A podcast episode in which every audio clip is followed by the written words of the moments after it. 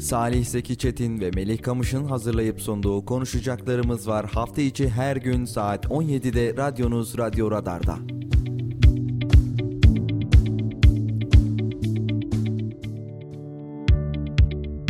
Salih Zeki Çetin ve Melih Kamış'ın sunduğu konuşacaklarımız var başlıyor.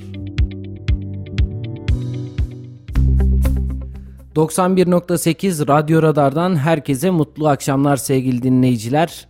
14 Mayıs 14 Mayıs diyorduk ama bugün 15 Mayıs pazartesi saatlerimiz 17'yi gösteriyor. Konuşacaklarımız var programında. Ben Melih Kamış. Ben Salih Zeki. Salih seçimdi depremdi derken tabii ki son bir hafta konuştuğumuz net bir konu vardı seçimdi. 14 Mayıs'ta göreceğiz 14 Mayıs'ta neler olacak acaba diye düşünürken artık 14 Mayıs'ı da geride bıraktık ve sonuçlar da bugün net olmamakla beraber artık açıklandı e, sandıklarında %99'u yani çok büyük bir kısmı açıldı diyebiliriz. Bugün de Yüksek Seçim Kurulu Başkanı Ahmet Yener'in bir açıklaması vardı son dakika olarak hem radyolarımızda hem de Kayser Radar sayfamızda paylaşmıştık. Seçim Cumhurbaşkanlığı seçimi ikinci tura kaldı. Milletvekilliği ile ilgili sonuçlar da genel olarak netle, netleşmeye başladı. Dünkü tabloya bakacak olursak alandaydık, sahadaydık.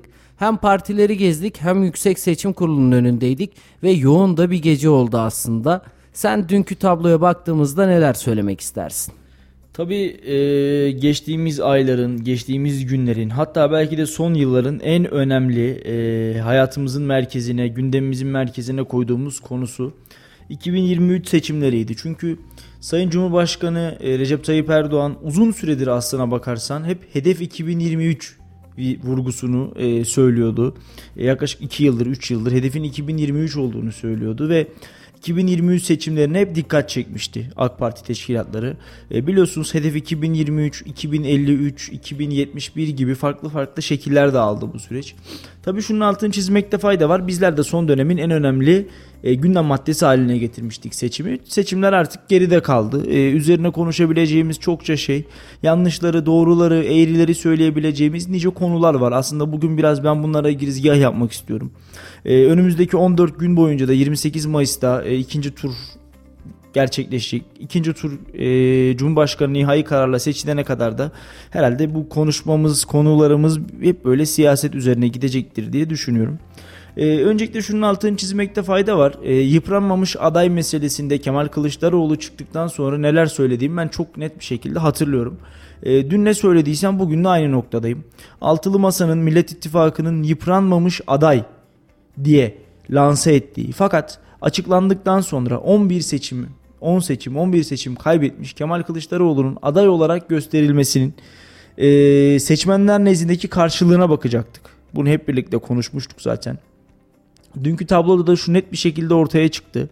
Cumhuriyet Halk Partisi, İyi Parti, e, Gelecek Partisi, Deva Partisi ve Saadet Partisi seçmenler nazarında sınıfta kalan partiler oldu. E, Cumhuriyet Halk Partisi'nin hani böyle kemikleşmiş dediğimiz zaten bir %25'lik bir oy potansiyeli var Türkiye'de. E, İyi Parti'nin de %8'lik %10'luk bir oy potansiyeli vardı. Bunları biliyorduk zaten.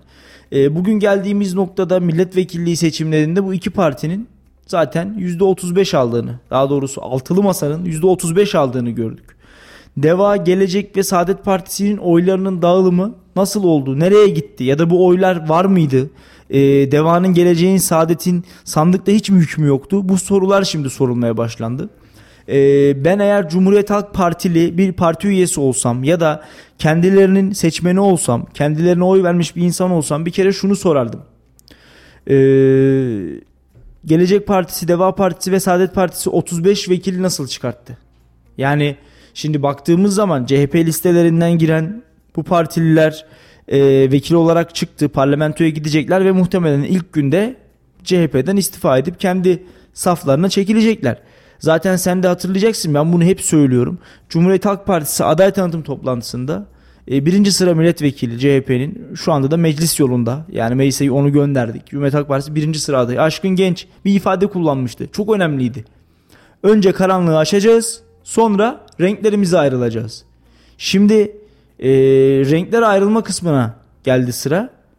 Ama Cumhuriyet Halk Partisi şu an itibariyle seçim ikinci turada kalmış olsa parlamentonun kaybeden partisidir. Bunu net bir şekilde söylüyorum. Mevcut milletvekili sayısındaki düşüşe bakalım. Cumhuriyet Halk Partisi geçen dönem, geçen seçim kaç milletvekili almış? Bu seçim kaç milletvekili almış? Evet belki Rize'de 40 küsür yıl sonra vekil çıkartmış. Evet Kayseri'de bir olan vekil sayısını iki yapmış. Ama bunların en önemli odağında zaten diğer partilerle kurmuş olduğu ittifaklar yatıyor. Yani bugün Cumhuriyet Halk Partisi bu ittifakı kurmasaydı Kayseri'den iki vekil alabilir miydi? Muhtemel suretle yine alabilirdi. Yani e, aslına bakarsan iktidara burada suç bulmaktan ziyade hani insanlar şu an onu yapıyorlar. Ya da çok çirkince deprem bölgesinde yaşayan insanlara çok çirkin ifadeler kullanıyorlar. Onları yapmaktansa bence Millet İttifakı kendi paydaşları içerisinde yaptığı yanlışları bir ortaya koysun önce. Bugüne kadar hiç seçim görmemiş Deva Partisi, Gelecek Partisi gibi partilere verdiği imtiyazları masaya koysun bence. Saadet Partisi'ne verdiği imtiyazları masaya koysun bence. Ve bu masanın sonunda da bu kararın sonunda da ben inanıyorum ki herkes benimle aynı kanaate varacaktır. Şu an seçim ikinci turada kalmış olsa fiilen seçimin kaybedeni Kemal Kılıçdaroğlu'dur ve Cumhuriyet Halk Partisi'dir. İkinci turda Kemal Kılıçdaroğlu'nun kazanması halinde bile kaybeden taraf Cumhuriyet Halk Partisi'dir. Yani çünkü baktığımız zaman e, çoğunluğun sağlanamadığı bir parlamento. Cumhurbaşkanlığını sizin almanız halinde bile çok da bir ehemmiyeti yok bence. Ve dün şunu gördük. Tabanı çok konsül olmuş bir AK Parti. Tabanı çok konsül olmuş bir Cumhur İttifakı. Yani Milliyetçi Hareket Partisi'nin bugün hep geçtiğimiz yayınlarda aynı şeyi konuşuyorduk. İşte barajlar noktasında Cumhuriyet Halk Partisi'nin, e, özür dilerim Milliyetçi Hareket Partisi'nin durumunu ve tutumunu konuşuyorduk. Dün Milliyetçi Hareket Partisi Devlet Bahçeli'nin de söylediği gibi barajların öneminin olmadığı, deyim yerindeyse barajlardan taşan bir parti olduğunu gösterdi. Ve işte e, anket firmalarının %3'lerde, %5'lerde, %7'lerde gösterdiği Milliyetçi Hareket Partisi'nin Türkiye genelinde %11 oy aldığını gördük. Milletvekili sayısını arttırdığını gördük. Cumhur İttifakı'nın milletvekili sayısının aynı şekilde parlamento çoğunluğunun alındığını gördük. AK Parti'nin her ne kadar partisel bazda belli noktalarda oyları düşmüş olsa da Örneğin Kayseri'de %41 almış olsa da AK Parti hala birinci parti çıktığını gördük. Hala parlamento çoğunluğunun Cumhur İttifakı'nda olduğunu gördük. Yeniden Refah Partisi'nin kendi logosuyla seçime girerek 5 milletvekili çıkartabildiğini görmüş olduk. Şimdi dönüp bakalım. Cumhur İttifakı burada doğruları neydi, yanlışları neydi? Millet İttifakı'nın doğruları neydi, yanlışları neydi? Şimdi bunlara bakalım. Cumhur İttifakı ne dedi? İttifak çatısı altında herkes kendi amblemiyle girecek. Milliyetçi Hareket Partisi, AK Parti, Büyük Birlik Partisi, Yeniden Refah Partisi. Bütün bu partiler kendi logolarıyla seçimlere girdiler. Sadece DSP, Genel Başkanı ve Hüdapar'dan 4 tane isim AK Parti listelerinde bu seçime girdi. Onlar da muhtemelen istifa etmeyecektir diye düşünüyorum. Ama baktığımız zaman Millet İttifakı kanadına baktığımız zaman Cumhuriyet Halk Partisi kendi kadrolarını, kendi listelerini diğer partilere açtı ve dedi ki ne olursan ol yine gel. Siz de gelin. Hep beraber bu kadrodan girelim. Hep beraber bu logodan girelim. Atladığımız bir nokta vardı. Türkiye Cumhuriyeti'nde her ne kadar Cumhuriyet Halk Partisi'ne oy veren, koşulsuz şartsız oy veren %25'lik bir kesim olsa da her ne şartta olursa olsun CHP logosuna oy basmam diyen bir kesim var. Ve bu kesim Deva, Gelecek, Saadet dediğimiz özellikle sağ tabanı oluşturan insanlardan oluşuyor. Kemal Kılıçdaroğlu yalnız ve yalnızca kendisi o koltuğa oturabilmek adına, yalnız ve yalnızca tek başına o koltuğa hükmedebilmek adına ve, ve ben bir devri kapattım diyebilmek adına belki de koskoca bir partinin Cumhuriyet tarihinin en eski Cumhuriyetimizin kurucu partisinin belki de an itibariyle bütün dinamiklerini yerle bir etmiştir. Bunu sana söyleyeyim. Cumhuriyet Halk Partisi şu anda mecliste komisyonlara dahi tüm komisyonlara vekil veremeyecek sayıda milletvekiline sahiptir. Yani gerçekten ana muhalefet partisinin bu halde olması beni üzüyor. Neden üzüyor? Biz hep şunu söylüyoruz. Güçlü muhalefet beraberinde güçlü iktidarı getirir. Güçlü muhalefet beraberinde çalışan iktidarı getirir. Her kim iktidar olursa olsun muhalefetini güçlü yaparsan meclis çoğunluğunun ya da meclisteki muhalefetini sağlam yaparsan hem belediyeleri çalıştırırsın hem hükümeti çalıştırırsın. Ama geldiğimiz noktada şunu rahatlıkla söyleyebilirim. AK Parti'ye kızıyoruz. AK Parti'yi eleştiriyoruz. Ama ben her AK Parti'ye kızdığımda, her hükümete kızdığımda aynı şeyi söylüyorum. AK Parti'nin ya da iktidarın çalışmaması en büyük müşteteppisi kim? Muhalefet. Çünkü muhalefet umursamıyor. Muhalefet önemsemiyor. Muhalefet yalnız ve yalnızca ana muhalefet koltuğunda oturarak bu ülkenin yönetimine biraz olsun bir şey söyleyebilmenin derdinde. Hazineden paylar alınıyor. Genel merkez yardımları geliyor. Milletvekili maaşları yatıyor. İş Bankası'ndan paylarını alıyorlar. Ama geldiğimiz noktada Türkiye Cumhuriyeti Devleti'ne ne katıyorlar diye sorarsan işte orası kocaman bir soru işareti. Listeler ortaya çıktığı ilk günden itibaren hep aynı şeyi söyledik Melih. Listeler açıklandığı günden itibaren İyi Parti'nin listesinin çok kötü olduğunu söyledik. Şimdi bunu daha yani seçim bittiği için daha rahat söylüyorum. Üçüncü sıra adayı Hüseyin Cengiz Gürbüz. Kendisi Kayserili, Sarızlı. Ama Osmaniye'de. Kayseri ile bugüne kadar organik olarak çok fazla bir bağlantısı olmamış. Çok fazla Kayseri siyasetinde yer almamış. Çok fazla Kayseri siyasetinde bulunmamış. Kayseri'ye milletvekilliği yapabilmek için Kayseri'de doğmak yetmez. Kayseri'de yaşamak lazım. Kayseri'nin havasını tatmak, Kayseri'nin suyunu içmek lazım. Öyle Osmaniye'de oturup kenarda durdum, ortada bulundum mantığıyla 3. sıra adayı olursanız bugün geldiğimiz noktada İyi Parti'nin Kayseri'den yalnızca ve yalnızca bir vekil çıkartabildiğini hep birlikte görürüz. Yıllarca partilere yıllarca e, siyasete, yıllarca bu şehre hizmet etmiş insanların listelerin alt sırasında yer almasının, gençliğin istediği, gençliğin arzuladığı insanların alt sıralarda yer almasının ne demek olduğunu bu seçimde fazlasıyla görmüşüzdür diye düşünüyorum. Şimdi dönelim AK Parti cephesine. 6 milletvekilinden 5'e düştü AK Parti. Altıncısı... Birazdan yerele geleceğim. Yereli de ayrı ayrı konuşmak gerekiyor belki ama şimdi genel olarak Türkiye'deki duruma baktığımızda şu an sandık sonuçlarına bakıyoruz. İşte Cumhurbaşkanı Erdoğan'ın mevcutta şu anda 49.5 27 bin 27 e, milyon 88 bin 360 oy aldığını Kemal Kılıçdaroğlu'nun en yakın rakibinin ise 24 milyon 568 bin 196 oy aldığını Sinan Oğan'ın 2 milyon 829 bin 634 oy alarak 5.17'lik bir oyunun olduğunu görüyoruz. Muharrem İnce adaylıktan çekinmişti ama YSK'nın da e, kararı ile birlikte listelerde duracağı açıklanmıştı. Şu anda da Muharrem İnce 0.44 olarak 238.690 oy almış Türkiye geneline baktığımızda. Evet Cumhurbaşkanı Erdoğan ve Kemal Kılıçdaroğlu'nun e, rekabetini görmüştük biz dün evet. ama sürpriz bir isim Sinan Oğan vardı. Sinan Oğan'la ilgili kim ne olacak ne bitecek işte e, anketlere de bakıyorduk bu kadarlık bir sonuç beklemiyorduk aslında. Ama şu an baktığımızda %5'in üzerinde bir oy, oy olan Sinan Oğan var. Yaklaşık evet. 3 milyon oy almış Şimdi, Türkiye geneline baktığımızda. Zafer Partisi'nin Türkiye Çok affedersin. E, yaklaşık 3 tane Kayseri'nin 3 kat büyüklüğünde bir oy oranı da var aslında. Sinan Oğan'a ayrı bir parantez açalım Kesinlikle Salih. açalım. Sinan Oğan e, Türk siyasetinin Türkiye Cumhuriyeti'nde yaşayan her bir bireyin biz iki kişinin tek eline mecbur değilizin tepkisiydi, tepkimesiydi.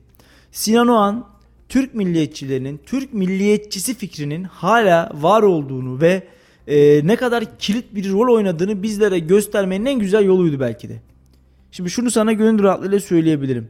Kayseri Sinan Oğan'a yapılabilecek en fazla desteği verdiğini düşünüyorum. En çok oy aldığı ikinci şehir Kayseri. Yani şunu söylüyorum sana. E, Zafer Partisi e, Ata İttifakı'nın en başındaki parti. %3 oy aldı. Ata İttifakı meclise milletvekili sokamadı. Ama Sinan Oğan %5'i aşan oyla Cumhurbaşkanlığı seçiminde küçük gözükse de ne kadar kilit bir rol oynadığını bize gösterdi. E, Muharrem İnce'nin de çekilmesiyle birlikte Sinan Oğan o listenin üçüncü alternatifi oldu. Üçüncü yolu oldu ve e, Cumhurbaşkanı'na destek vermek istemeyen, artık Cumhurbaşkanı değişmesini isteyen ama bu alternatifin Kemal Kılıçdaroğlu olmaması gerektiğini söyleyen insanlar Sinan Oğan'a oy verdi. Ben daha fazla oy bekliyordum Sinan Oğan'a açık söylemek gerekirse. Ama şunu biliyoruz. Cumhuriyet Halk Partisi'nin seçim bütçesini biliyoruz. AK Parti'nin seçim bütçesini biliyoruz. Bir de Sinan Oğan'ın seçim bütçesini biliyoruz. Ee, Kemal Kılıçdaroğlu'nun seçim bütçesini Sinan Oğan eğer sahip olsaydı sahip olsaydı e, eminim çok daha fazla oy alırdı. Sinan Bey buraya geldiği zaman kendisiyle tanışma fırsatı buldum. Sohbet ettik. E, gerçekten bilgili bir insan. Donanımlı bir insan. Türk milliyetçisi her şeyden önce. Ve şunu söyle yani şunu kimse söyleyemez. Sinan o an şunu çalmıştır. Sinan o an şunu çırpmıştır. Sinan Oğan ihaleye böyle bir usulsüzlük karıştırmıştır gibi kimsenin böyle bir yaklaşımının olmayacağını ben eminim. Yani bunu biliyorum. Ve e, şunu Ama da Salih baktığımızda yani o konuya gelecek olursak Sinan Oğan böyle bir pozisyonda olmadı.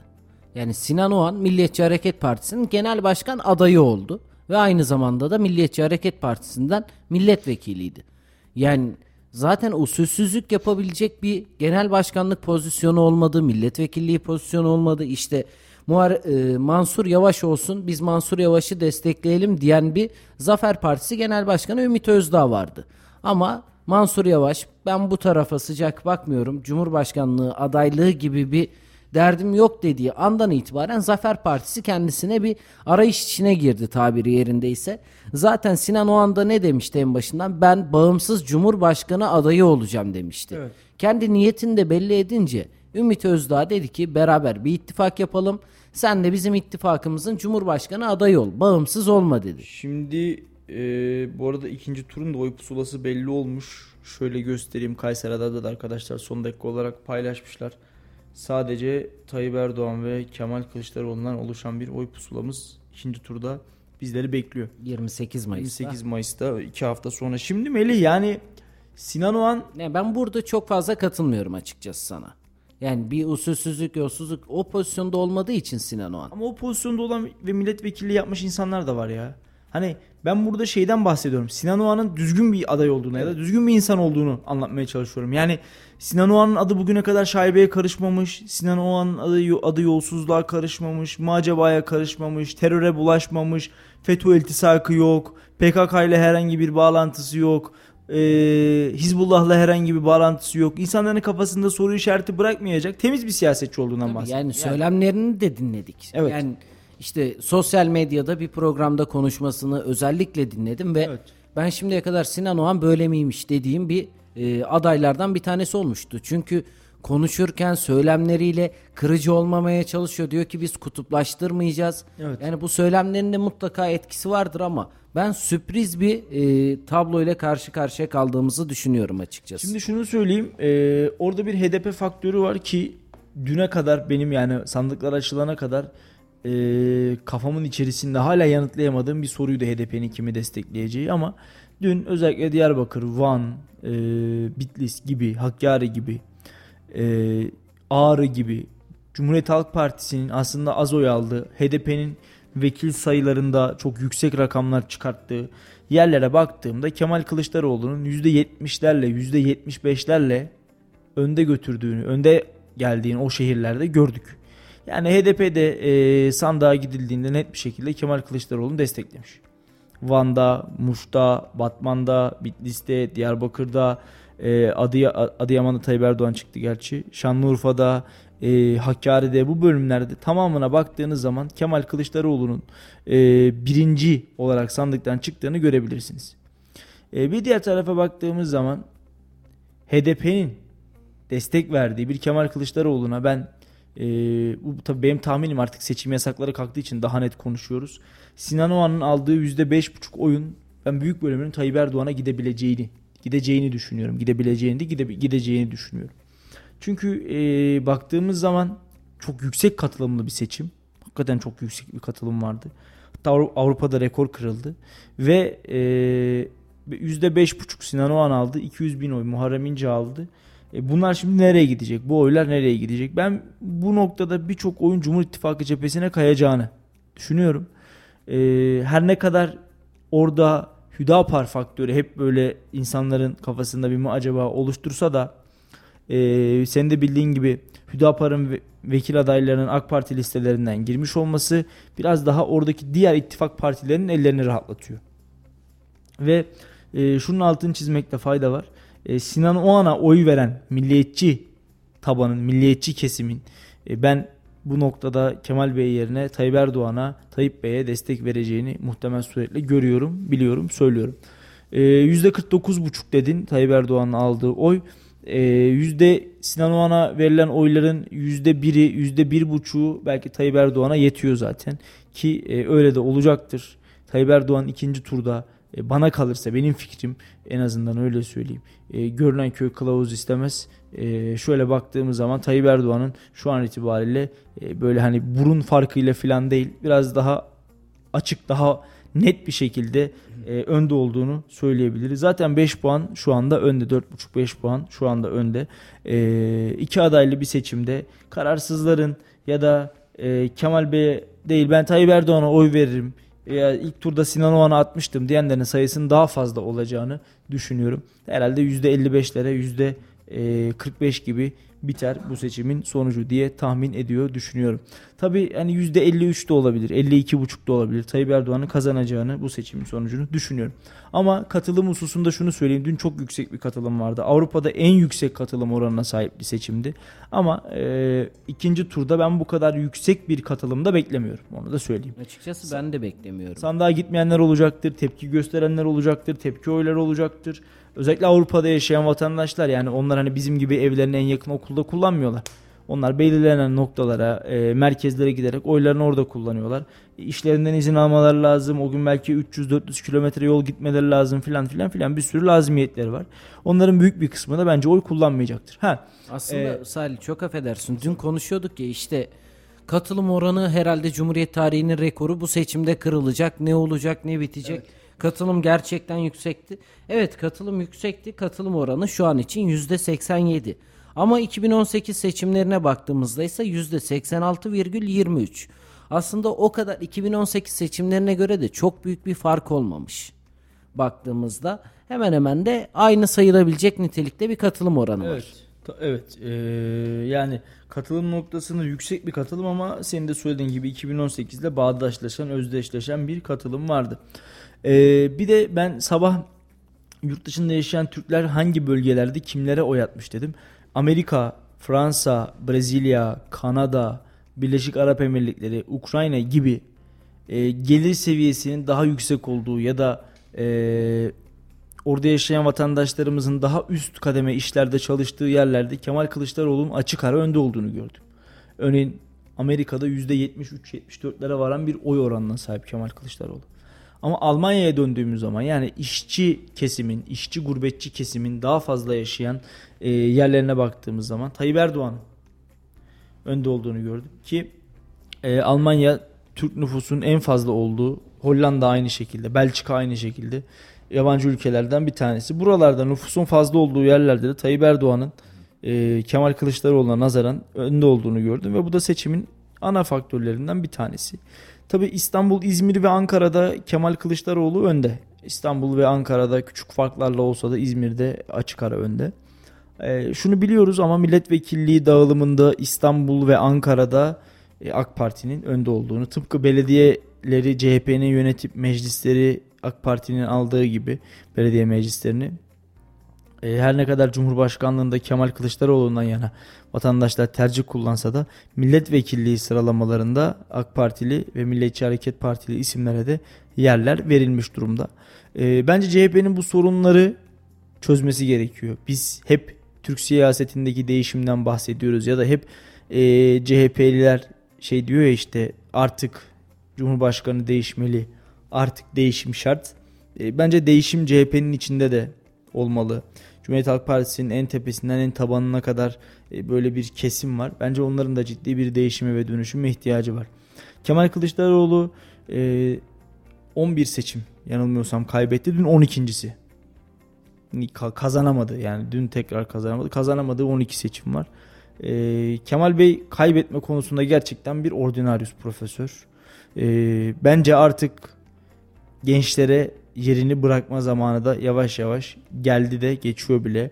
E, seçimin kaybedilmesi halinde e, Kemal Bey'in artık Cumhuriyet Halk Partisi Genel Başkanlığı'nı daha genç, daha dinamik bir isme bırakması gerektiği kanaatindeyim. Aynı şekilde Tayyip Erdoğan'ın da kaybetmesi halinde genel başkanlık koltuğunu daha genç, daha dinamik birine bırakması gerektiği kanaatindeyim. Çünkü e, artık torun sevecekleri yaş gelmeli. Çünkü artık e, tatil yapacakları yaş gelmeli. Çünkü artık biraz da olsa siyasette yeni liderler, yeni yüzler ve yeni insanları görme vaktimiz geliyor. Küçük partiler hakkında da yeni kurulan partiler hakkında da şunları söyleyeyim. En karlı çıkan yeniden Refah Partisi'ydi bir kere. Gerçekten orada bir başarı var. Yani tabanın ne kadar e, teşkilatçı olduğunu, Yeniden Refah Partisi'nin ne kadar desteklediğini aslında bizler dün gördük. E, rahmetli Muhsin Yazıcıoğlu, ruhu şad olsun, Allah rahmet eylesin, mekan cennet olsun. Onun kurduğu Büyük Birlik Partisi %0.99, %1 oy alırken Yeniden Refah Partisi %3'lere varan bir oya sahipti. ve Yeniden Refah Partisi 1 milyon 531 bin oy almış. Büyük Birlik Partisi ise 537 bin oy almış. Yani ikiye katlamış yeniden Refah Partisi Büyük Birlik Partisi'ni.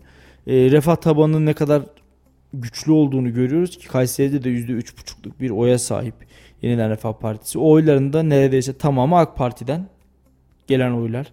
5 e, milletvekili az bir milletvekili değil. Yani bugün yere göre yere göğe sığmayan, e, sosyal medyada çok naralar atan, e, hakkında çok tweetler atılan, çok böyle e, gençler arasında popüler olan Türkiye İşçi Partisi tip. Tipi gördük yani 4 milletvekiliyle meclise temsil edilecek birçok noktada tipin esamesi okunmamış. Ama yeniden refah öyle değil. Yani daha mütevazı gidip insanlar hiç şans bile belki de birçok yerde vermiyordu ama 5 vekili çıkarttı. Aslanlar gibi kendi logosuyla girdi ve meclise gönderdi. Hayırlı uğurlu olsun. Beğenin ya da beğenmeyin, sevin ya da sevmeyin. Bu bir gerçek. Ha buradan baktığımız zaman %3,5 Kayseri'de de Önder Narin birinci sıra iyi bir oy aldı. Yani kötü değil. Türkiye ortalaması yakalanmış en azından öyle söyleyeyim. Önümüzdeki seçimler için Yeniden Refah Partisi ve Önder Narin adına bence umut verici. Ki Önder Başkan'ın e, sosyal medya paylaşımına baktığımızda orada da zaten 3 aşağı 5 yukarı benzer ifadeler olduğunu vatandaşlarımız göreceklerdir.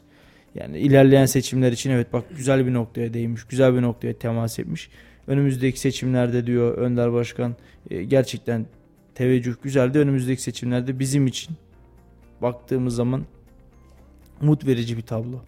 Ki zaten şu var Salih. En başından itibaren ne konuşuyorduk? Artık siyasetin gençleşmesi evet. ve değişim sürecini konuşuyorduk. Ya Melih, Şu an... biz biz YRP konusunda yani Yeniden Refah Partisi konusunda Ankara'ya gittiğimizde o coşkuyu gördüğümüzü de aynı şey söyledik. Yani Yeniden Refah 10 vekil çıkarsa da bana sürpriz olmazdı. Ki şu da var. Yani yeni kurulan partiler işte Zafer Partisi de olur, Yeniden Refah Partisi de olur, Memleket Partisi de olur. Yani ayırt etmeden baktığımızda bu partiler aslında gelecekte kendilerine bir pozisyon alabilir. Türkiye Zafer siyaseti Partisi, için. Zafer Partisi için şöyle bir şey söyleyeyim sana. Ee, barajı geçen bir ittifakta yer almamanın sıkıntısını çekti tamamen. Yani yoksa Zafer Partisi de %3'lük bir oy gerçekten fena hiç fena değildi. Ki 1 milyon 200 binde Zafer, Zafer Partisi'nin Partisi oyu var. Yani e, baktığımızda gerçekten yüksek bir oy. Hadi şimdi Deva Partisi desin ki biz 1 milyon oy aldık desin.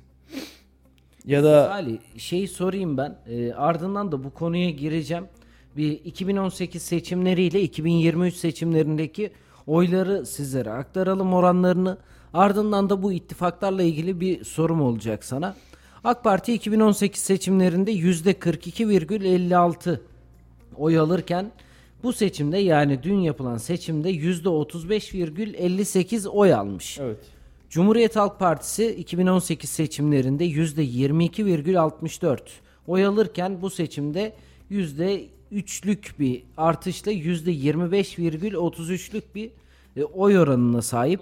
Milliyetçi Hareket Partisi 2018 seçimlerinde %11,10 oy alırken dün gerçekleştirilen seçimlerde %10,7 oy aldı.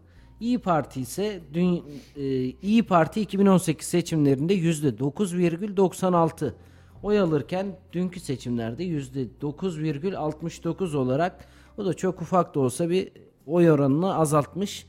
HDP 2018 seçimlerinde %11,70 oy almış ve e, dünkü seçimlere baktığımızda Yeşil Sol adıyla girdiği seçimlerde %8,81 oy almış. Şimdi AK Parti'de bir oy oranında yaklaşık %7'lik bir düşme var. Cumhuriyet Partisi'nde %3'lük e, bir artış var. Milliyetçi Hareket Partisi'nde de ufak bir düşme var ama o kadar anketlerde gözüktüğü gibi de aslında çok da büyük bir düşme yok Salih. Evet. Nasıl değerlendiriyorsun AK Parti, CHP, MHP ve İyi Parti'yi? Şimdi bu kadar yıl iktidarda kalmış e, bu süre zarfı içerisinde bir büyük dünyanın görmediği salgın hastalık, e, 100 yılın asrın felaketi, Rusya-Ukrayna savaşı, terör belası, bunun yanında deprem deprem hadisesi ve ekonomik buhranla baktığında mücadele etmiş bir iktidar için e, bu düşüş aslında kabul edilebilir bir rakam. Ya hatta düşüş sayılmayacak bir rakam desek yanılıyor olmayız. Çünkü e, arada daha yeniden Refah Partisi'ne giden oylar var. Öyle düşünelim. Orası AK Parti tabanından kayıyor hep. E, bunun yanında Gelecek Partisi ve Deva Partisi'nin kadrolarının AK Parti'nin içerisinden ayrıldığı gerçeği var. Oralara giden oylar var. E, bütün bunları hesaba katarsak AK Parti'nin kaybettiği rakam oran neredeyse yok gibi bir şey. Yani zaten yeniden Refah'ın Cumhur İttifakı'na katılmasıyla o kaybedilenler de geri gelmiş oldu bir noktada. Bugün e, Yeniden Refah Partisi'nin çıkarttığı 5 milletvekili Yeniden Refah Partisi olmasaydı yine sağ tabanlı bir partiye gidecekti. Tutup da Cumhuriyet Halk Partisi'ne ya da TİP'e ya da HDP'e gidecek bir oy değildi zaten. Onlar zaten AK Parti'nin içerisinden çıkan oylardı. AK Parti doğru stratejiyle Yeniden Refah Partisi'ni yanına alarak doğru bir hamleyle bunları yaptı. Ve Neden gelecek ve devayı yanına almadığını AK Parti'nin işte bugün oy oranlarında görüyoruz. Herkes listesiyle girsin mantığıyla bakarsak ben ne Deva Partisi'nin ne Gelecek Partisi'nin 1 milyon oy alabileceği kanaatinde değilim açık söyleyeyim. Ki baktığımızda muhafazakar olarak gördüğümüz Anadolu şehirlerinde ve İstanbul'da biliyorsun Ümraniye'nin bulunduğu bölgede Fatih Erbakan da genel başkan olarak seçime girdi. Muhafazakar olarak e, gördüğümüz bölgelerde aslında ciddi bir çalışma verildi Yeniden Refah Partisi tarafından. Çünkü işte Konya'dır, Kayseri'dir, Kütahya'dır, İstanbul'da 3. bölge olarak nitelendirdiğimiz bölgelerde baktığımızda gerçekten birinci sıra e, milletvekili adayları sanki meclise gidecekmiş. Mevcutta milletvekiliymiş gibi bir çalışma gerçekleştirdiler ki bu da oy oranına fazlasıyla yansımış gibi duruyor. Salih peki şimdi baktığımızda ittifaklar var biliyorsun. Yeni... Şunun altını çizeyim bak şimdi Feridun abi yazmış güzel bir nokta bence. Yeşil Sol Parti %1,04 alarak bir önceki seçime göre önemli oranda düşüş yaşamış Kayseri'de. Kayseri az sonra konuşacağız. Evet. E, Refah Partisi'nin Doğu kökenli Ercan Arası ikinci sıra adayı göstermesi Doğu ve Güneydoğu'daki Doğu ve Güneydoğulu olup da Kayseri'de yaşayan e, seçmenin oyunun kaymasına sebebiyet vermiş, vesile olmuş. Aynen öyle bir değerlendirme. Bence önemli bir nokta. Birazdan buna da ayrıca parantez açalım. Şimdi biliyorsun ülkemizde %7'lik bir baraj sorun evet. Yani baraj gibi bir durumu söz konusu. Şu an Cumhur İttifakı, Millet İttifakı, Ata İttifakı derken ittifaklar neticesinde işte Yeniden Refah Partisi bir yerden girdi. Deva Partisi, Gelecek Partisi, Demokrat Parti, Saadet Partisi, Cumhuriyet Halk Partisi listelerinden girdi. İşçi Partisi e, kendisi bir ittifak yaptı Yeşil Sol Parti ile. Buradan devam ederken sen bu ittifak oranını nasıl buluyorsun? Yani ittifak olmasaydı da herkes kendi listesinden girseydi çok daha farklı bir seçim sonucuyla karşı karşıya kalabilir miydik? Şimdi tabii ki farklı bir senaryoyla karşı karşıya kalırdık Melih. Yani bugün Zafer Partisi ya da Memleket Partisi niye meclise giremedi? Baraj sorunu olduğu için. Büyük Birlik Partisi baraj sorunu olmamasına rağmen giremeyenlerden bir tanesi mesela. Baraj sence bir sorun mu peki? Bence baraj olması gereken bir şey açık söyleyeyim. Yani baraj %7, %10 neyse olması gereken bir tablo. Çünkü e, en azından halkın belli bir kesimin desteğini alacaksın. Ha ittifaklar içinde de mesela tip Yeşil Sol'la bir ittifak yaptı o şekilde girdi. Tip de mesela ittifak yapmamış olsa bırak meclise girmeyi meclisin yolunu bile bulamaz. Yani şimdi eğri oturalım doğru konuşalım. Baraj olmadı mı? Baraj olmalı. Yani o problem değil.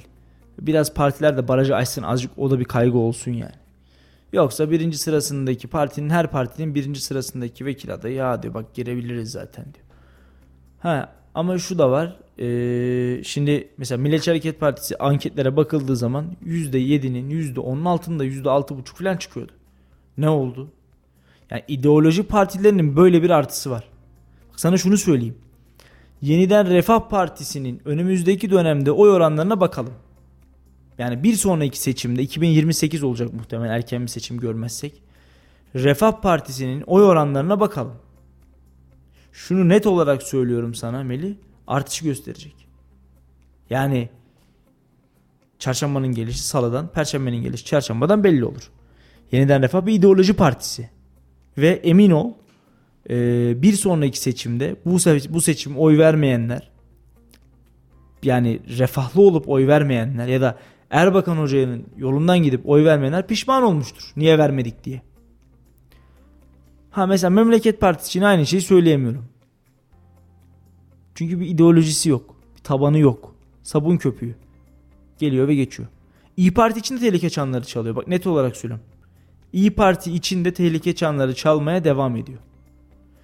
Cumhuriyet Halk Partisi de kendi içerisinde birlik ve beraberliğini tesis edemezse, kendi sıkıntılarını kendisi aşamazsa Cumhuriyet tarihinin belki de en kötü senaryolarından bir tanesine o oranlarındaki ciddi düşüşe şahitlik edecek Cumhuriyet Halk Partisi. Milliyetçi Hareket Partisi bir ideoloji partisi. Her ne kadar baraj sorunu var denilse de Milliyetçi Hareket Partisi için bir fikir partisi olmasının avantajını ortaya koydu ve gösterdi. Çünkü taban çok bir aradaydı. Yani boşluk kalmadı. Ayrışabileceği bir alan kalmadı tabanın. Taban bir tarafa kaçmadı. Taban 3 hilalin olduğu yere oy verdi. Taban buğday ve başağın olduğu yere, hilalin olduğu yere oy verdi. Taban altı oka, taban ampule oy verdi. Ama işte ideolojiye dayandırılmayan partilerin ne kadar sıkıntıda olduğunu hep birlikte gördük, görmeye devam edeceğiz. Bunlardan bir tanesi de Memleket Partisi. Peki Memleket Partisi ile ilgili değerlendirmelerini alalım Salih. Şimdi baktığımızda Memleket Partisi sosyal medyada fazlasıyla gündemimizi yani meşgul eden demeyeyim ama sosyal medyada çok fazla karşımıza çıkan partilerden bir tanesiydi. Ve diyorduk ki ne olur acaba işte Memleket Partisi seçime girecek oy oranlarını değiştirebilir mi? İşte Zafer Partisi 1 milyon 200 bin oy aldı dedik. Memleket Partisi'nde bu durum nasıl olacak, neler bitecek? En azından seçimi değiştirebilecek bir sonuç alır mı diye nitelendiriyorduk ama Memleket Partisi'nin şu an oy oranına baktığımızda 502 bin oy almış. Ve bu parti şu an Muharrem İnce'de biliyorsun adaylıktan da çekilmişti. Evet. Dedi ki biz bundan sonra her evden bir oy Memleket Partisi'ne söylemlerini kullanmıştı son sözleri olarak da. Peki bundan sonraki seçimlerde Memleket Partisi'nin rolünü nasıl görüyorsun? Sence silinir mi? Silinir. Hatta silindi. Yani silinir çok geniş bir bence silindi. Dün ben bakıyorum yani hatırlıyorsan sen mi vardın Mert mi vardı? Aşağıda otururken Muharrem İnce'nin adaylıktan çekildiği gün Twitter'da bir sohbet odasına katıldım. Orada arkadaşlar Muharrem İnce'nin adaylığından çekilmesini konuşuyorlardı. O neler söylüyorlar CHP'lilere. Ağza alınmayacak hakaretler. İşte bu saatten sonra Kılıçdaroğlu'na oy veren şöyle olsun da böyle olsun filan filan. Yani bu kadar ay- ayrışmaya gerek yok ya. 2018 seçimlerinde hep beraberdiniz zaten. 2018 seçimlerinde hep birlikte Muharrem İnce'yi desteklediniz. Ne oldu şimdi? Ha, CHP'nin Muharrem İnce'ye yaptığı, dayattığı ya da ortaya koyduğu performans iyiydi falan demiyorum ama öyle bir kutuplaşmış ki memleket partililer. Ben şimdi bakıyorum mesela sosyal medyada. Allah'ım neler söylüyorlar. İşte biz size demiştik. Gördünüz mü? Biz siz bu kadar. Biz siz buraya kadar. Yani bizim şu anda 50 artı 1 sisteminin de böyle bir kötülüğü demeyeyim de böyle bir sıkıntısı var aslında yani. E baktığımız zaman ufacık partiler ya da %1'lik %0'lık partiler %0.1'lik partiler kendilerini seçimin siyasetin merkezine koyuyorlar. Bak gördünüz mü oluyor. Hiç adını bile anmadığımız bir parti var mesela bak şimdi hatırladım. Demokrat Parti de var o altılı masanın içinde. Demokrat Parti kaç oy almış ya bir bakalım. Ama Cumhuriyet Halk Partisi'nin ya da Millet İttifakı'nın ikinci turda seçimi kazanması durumunda Demokrat Parti Genel Başkanı Cumhurbaşkanı yardımcısı olacak. Ya senin partinin yüzde bir bile almamış. Ben böyle bir partinin genel başkanı olsam Cumhurbaşkanı yardımcılığı yapmaktan utanırım. Ve derim ki ben kenarda durayım. Yani şimdi bak DSP'nin genel başkanı milletvekili oldu AK Parti listelerinden. Hüdapar'ınki AK Parti listelerinden milletvekili oldu. İşte Yeniden Refah Partisi'nin kendi listesinden milletvekili oldu. Devlet Bey de kendi listesinden milletvekili oldu. Destici kazanamadı. Ben de eğer böyle küçük bir parti olsam ve Cumhurbaşkanı yardımcılığı teklif etseler ar ederim. Olmam yapamam yani. E bugün meclis çoğunluğuna bakalım. Cumhuriyet Halk Partisi yıllarca kimle mücadele etti? AK Parti iktidarıyla doğru mu? E bugün Sadullah Ergin'e bakalım. Ali Babacan'a bakalım. Ahmet Davutoğlu'na bakalım. Ve bizim ismini bilmediğimiz nice listedeki isimlere bakalım. Neredeyse birçok isim AK Parti cephelerinden, AK Parti listelerinden daha önce vekillik, bakanlık yapmış, görev almış ve şimdi meclise girdi. Yani CHP seçmeninin şu anda gerçekten nasıl bir e, ruh hali içinde olduğunu ben tahmin dahi etmek istemiyorum. Ben yıllar boyu iktidar almak için uğraşacağım, çabalayacağım, emek vereceğim. Sonra sadece bir genel başkanı ya da bir ismi e, milletvekili, cumhurbaşkanı yapabilmek adına yıllarca mücadele ettiğim ya da yıllarca yıllarca emek verdiğim davada, partide, fikirde, ideolojide adına her ne derseniz deyin gelip oraya oturacaklar. Ya CHP seçmeni gerçekten şu anda çok kızgındır. Burunlarından soluyordur. Emin ol yani buna. Yani tamamının yüzde iki dahi etmeyen aldığı o yüzde iki yüzde üç dahi olmayan partiler 37 tane vekil dağıttı Kılıçdaroğlu. Niye? Herkese bakanlık dağıttı. Herkese cumhurbaşkanlığı yardımcılığı dağıttı. Bunun adı birleşe birleşe kazanmak değildir. Bunun adı yalnız ve yalnızca bir koltuğa oturabilmek için kendi siyasi hayatın ve rantın uğruna koskoca bir partiyi kenara itmektir. Kenara atmaktır. Yani yedek kulübesine döndü ya masa. Masa yedek kulübesine döndü. Sen gel, sen gel, sen de gel. E ne oldu sonuç? Deva, Gelecek, Saadet, Demokrat Parti. Nerede çokluk varsa orada fazla oy yoktur. Bunu bir kafalarına yazsınlar insanlar artık. Bunu biz e, mitingler döneminde de söyledik. Çok fazla kelle demek, çok fazla oy oranına sahip olacağınız anlamına gelmiyor. AK Parti kan kaybetti. Evet kaybetmeye devam ediyor. Evet. Belki vekil sayısı da düştü. Evet. Mesela Kayseri'de. Evet ama AK Parti birinci parti olarak çıktı. Ve kendi kayıplarını Milliyetçi Hareket Partisi'nin oy oranındaki ve vekil sayısındaki artışla yeniden Refah Partisi gibi kendi düşüncesine yakın partileri meclise sokarak ve onlardan oy toplayarak halletti bu işi. Küstürmedi. Kızdırdı ama küstürmedi AK Parti. Ama Cumhuriyet Halk Partisi aynı şeyi yapamadı. Aynı yolu izleyemedi. İl teşkilatında bile sağlanamayan bir birliktelik, Kayseri il örgütünde bile sağlanamayan bir birliktelik Türkiye'de sandığa yansıdı. Yani Peki Kayseri yereline artık dönelim. Yani Kayseri'de de artık sonuçlar değişti. Şu an milletvekilliği listelerine baktığımızda da Salih %90 oranında bir değişimin olduğu milletvekilliği sonuçları %80, %80 %70. Aynen doğru. İsmail Özdemir ve Baki Ersoy da var, evet. Evet. Şu an %70 oranında bir milletvekilliği artık değişti Kayseri'de de. Bu millet 10 tane milletvekili gi- gidecek meclise. Biz hep ne diyorduk? İşte kim giderse gitsin. Hangi parti kaç tane alacak bilmiyoruz. 14 Mayıs akşamında belli olacak. Ama bildiğimiz tek bir gerçek var ki o da bizim on- e, 14 Mayıs'ın akşamında göndereceğimiz Kayseri'den 10 tane milletvekili diyorduk. Şu an AK Parti'de 5 tane milletvekili, Milliyetçi Hareket Partisi'nden 2 milletvekili, Cumhuriyet Halk Partisi'nden 2 milletvekili ve İyi Parti'den de 1 milletvekilini meclise gönderiyoruz. Sen bu sonuçlara baktığında nasıl değerlendiriyorsun Kayseri yerelinde?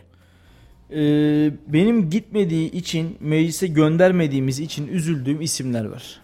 Yani sıralamaları aşağıda kaldığı ya da partiler o kadar vekil çıkartamadığı için gönderemediğimiz isimler var. Bunlardan birincisi İyi Parti'nin 5. sırası. Özür diliyorum. Sırasındaki Kazım Yücel. Yine İyi Parti'nin 9. sırasındaki Sedat Kılınç. Milliyetçi Hareket Partisi'nin 3. sıra adayı Adnan İnce Toprak. Cumhuriyet Halk Partisi'nin 10. sıra adayı Niyazi Ünalmış.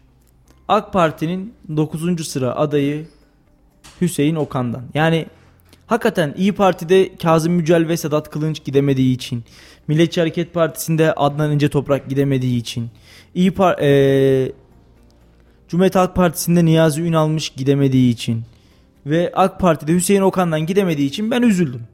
Keşke bu isimleri de mecliste görebilseydik, meclise gönderebilseydik. Partisi hiç önemli değil. Bu isimler bağımsız da olsa keşke gidebilselerdi.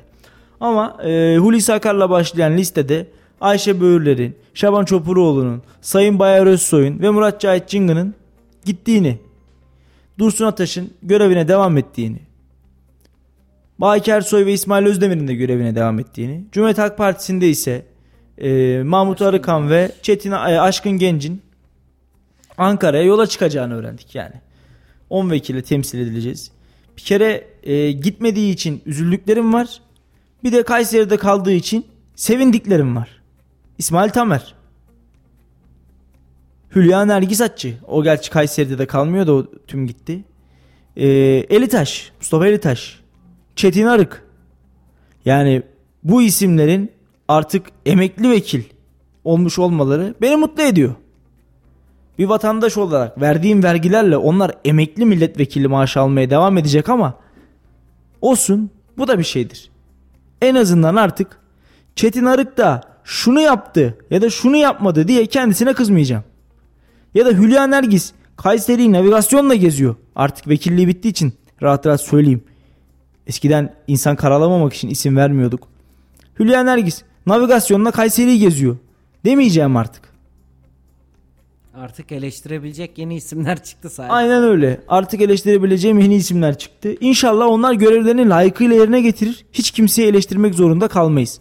Yani hiç kimseye kızmak zorunda kalmayız. Hatta takdir ederiz. Ne güzel şunu yapmışlar, ne güzel bunu yapmışlar deriz inşallah. Çünkü listeler gerçekten güzel. Bak samimiyetle söylüyorum. 10 vekil, onu da birbirinden pırıl pırıl insanlar. Valla doğrusuyla yanlışıyla biz buradayız. Doğru yaptıkları bir şey olursa tebrik etmek için yine mikrofonlarımızın başında olacağız. Ama gördüğümüz yanlışlıklar olursa da onları söylemekten de bir saniye geri durmayacağımız bir süreçteyiz. Kesinlikle. Şu an e, oy oranlarına bakalım istersen. AK Parti 2018 yılında Kayseri'de 50,63'lük bir oyu varmış. 2023 seçimlerine baktığımızda 40,72'lik bir oy oranına sahip. Cumhuriyet Halk Partisi 2018 seçimlerinde %12,37'ymiş. 2023 seçimlerine baktığımızda %17,25'lik bir oy oranı var. Milliyetçi Hareket Partisi'nin 2018 seçimlerinde 21,48'lik bir oy oranı varken 2023 seçimlerinde %19,02'lik bir oy oranı var. İşte biraz önce Yeşil Sol Parti'den konuşmuştuk. 2018 seçimlerinde %2,37'lik bir oy oranı varken HDP'nin Yeşil Sol Parti adıyla girdiği 2023 seçimlerinde bakalım hemen 1,12'lik bir oy oranı var. Evet. İyi Parti son olarak da 2018 seçimlerinde %11,01'lik bir oy oranı varken 2023 seçimlerinde de 9,99'luk bir oy almış Kayseri'den. Şimdi Kayseri'deki özellikle işte liste bazılarının listesi iyiydi bazılarının listesi kötüydü. Biz bunu zaten adaylar açıklandıktan sonra da konuştuk fazlasıyla. İşte AK Parti 10 vekiliyle bunu yani çalışmalarında gördük artık seçim süreci de bittiği için rahat rahat konuşabiliyoruz Evet. aslında. AK Parti'nin 10 milletvekili adayı sahada farklı yerlere giderek çalışmalarını yoğun bir tempoda sürdürdüler. Ama Cumhuriyet Halk Partisi'ne baktığımızda bakıyoruz şu an işte kim vardı? Aşkın Genç vardı birinci sırada tam anlamıyla çalıştı. Mahmut Arıkan vardı tam anlamıyla çalıştı.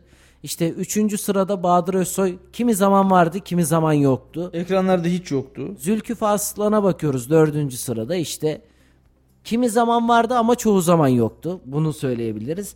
Onu işte geri kalanı bilmiyoruz. 5, 6, 7, 8, 9 bu saydığım rakamları hiç görmedik belki de. Mesela Cumhuriyet Halk Partisi'nin 5. sırası Ümit Özer. Ümit Özer İl başkanlığında yine biraz vardı. Bu Evet. sefer hiç yoktu. Yani Ümit Hanım e, Cumhuriyet Halk Partisi'nde bir seçim dağınıklığı vardı Melih. Yani adaylar neredeyse birbirleriyle bile çalışmak istemedi.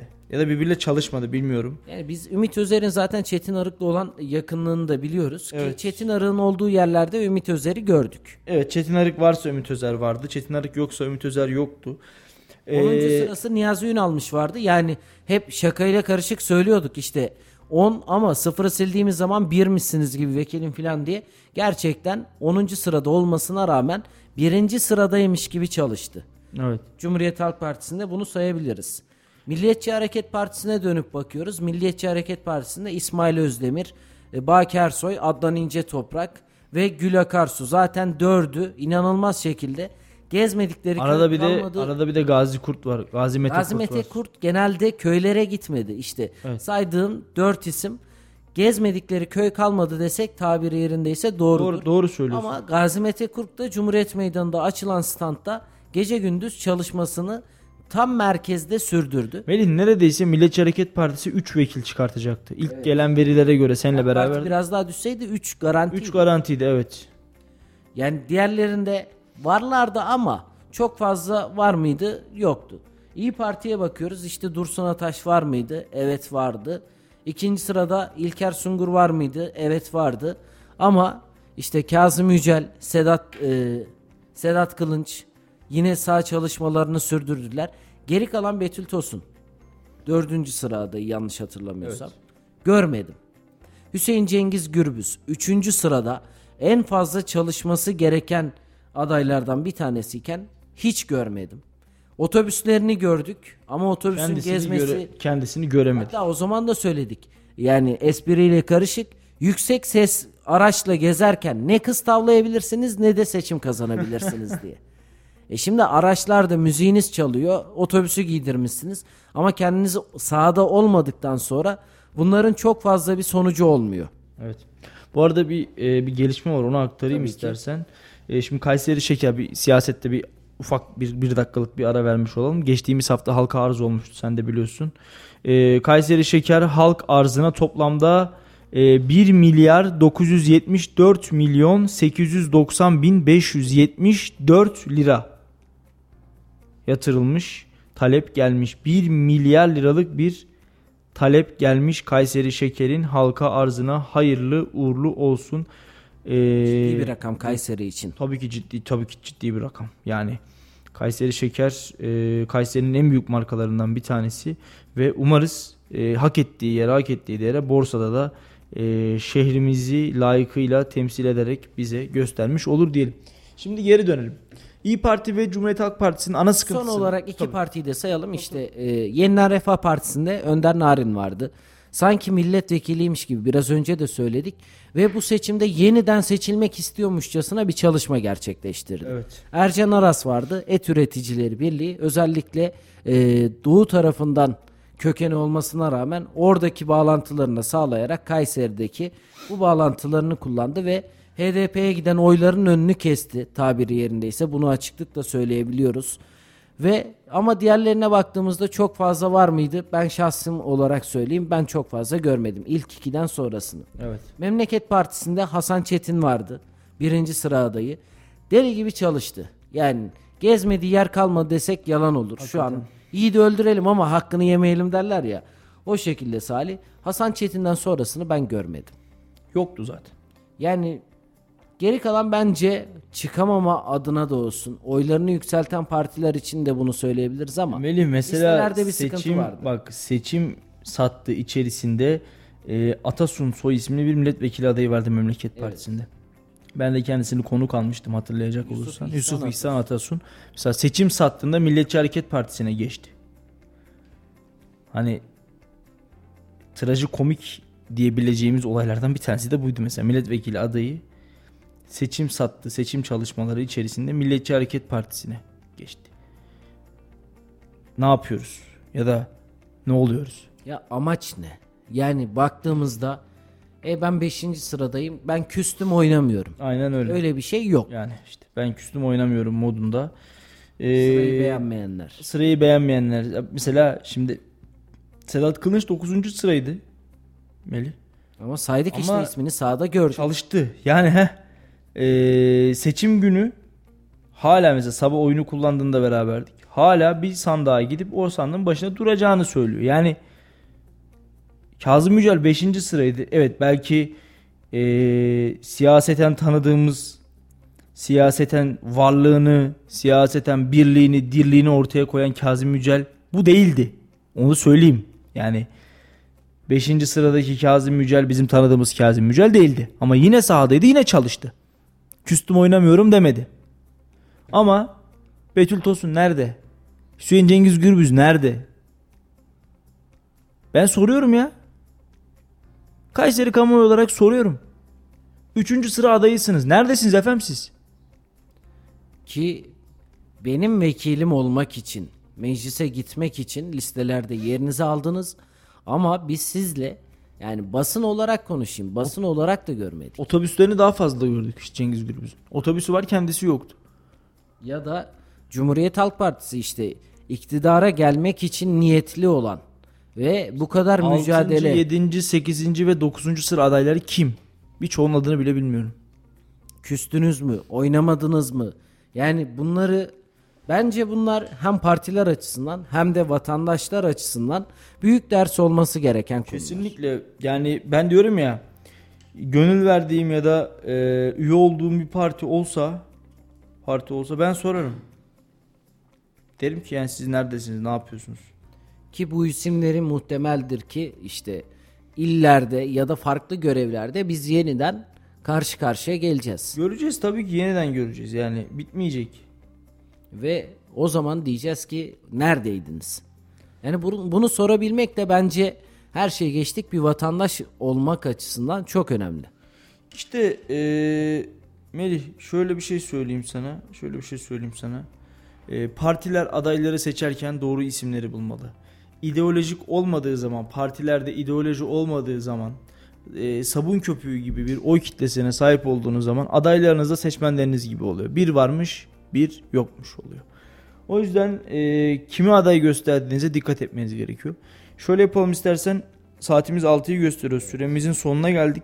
Kayseri yerelini yarına bırakalım. Yarın yerel siyasetten biraz daha derinlerden kaldığımız yerden devam edebiliriz. Yeni gelişmeler olursa da onları paylaşmış oluruz. Giden kazanan vekillerimize hayırlı olsun. Hayırlı olsun. Hulusi Akar, Ayşe Böhürler, e, Şaban Çopuroğlu, Murat Cahit Cıngı, Bayar Özsoy, Dursun Ataş, İsmail Özdemir, Baki Ersoy, e, Aşkın Genç ve Mahmut Arıkan bu şehrin yeni vekilleri. Hayırlı uğurlu olsun. Listede %70 bir değişim var. E, sadece İsmail Özdemir, Baki Ersoy ve Dursun Ataş görevlilerine devam ediyor. Onun dışındaki tüm vekiller değişti, değiştirildi. Şehrimize, milletimize, memleketimize hayırlı olsun diyelim. Ve sandıktan çıkan demokrasiye yani sonuna kadar saygı duymamız gerekiyor. Bu bir gerçek. Bunu hep söyledik. Ee, bu Sayın Kılıçdaroğlu'na da soruldu. Sayın Erdoğan'a da soruldu. Onlar da aynı şeyi söyledi. Biz de aynı şeyi söylüyoruz. Sandıktan kim çıkarsa çıksın. İnancımız halk iradesine sonsuz. Vatandaş kimi istiyorsa %50.1, 50 artı 1'i kim alıyorsa bizi yönetecek bu kadar basit. O yüzden inşallah vekillerimizin var güçleriyle çalıştığı, Kayseri için, millet için, memleket için bir araya geldiği, ülke yöneticilerimizin de Türk milletinin özbenliği politikalarını biraz daha benimseyerek çalışmalarını yaptığı bir süreci inşallah görebiliriz. Dünkü seçimlerin şehrimize, milletimize, memleketimize ve bizlere hayırlar getirmesini temenni ediyorum. Sana da teşekkür ediyorum. Teşekkür ederim Salih. İşte hep 14 Mayıs'ta belli olacak. İşte 14 Mayıs akşamında belli olacak derken bugün 15 Mayıs ve bizler de yayınımızı yaptık. Hatta programımızın da sonuna gelmiş olduk.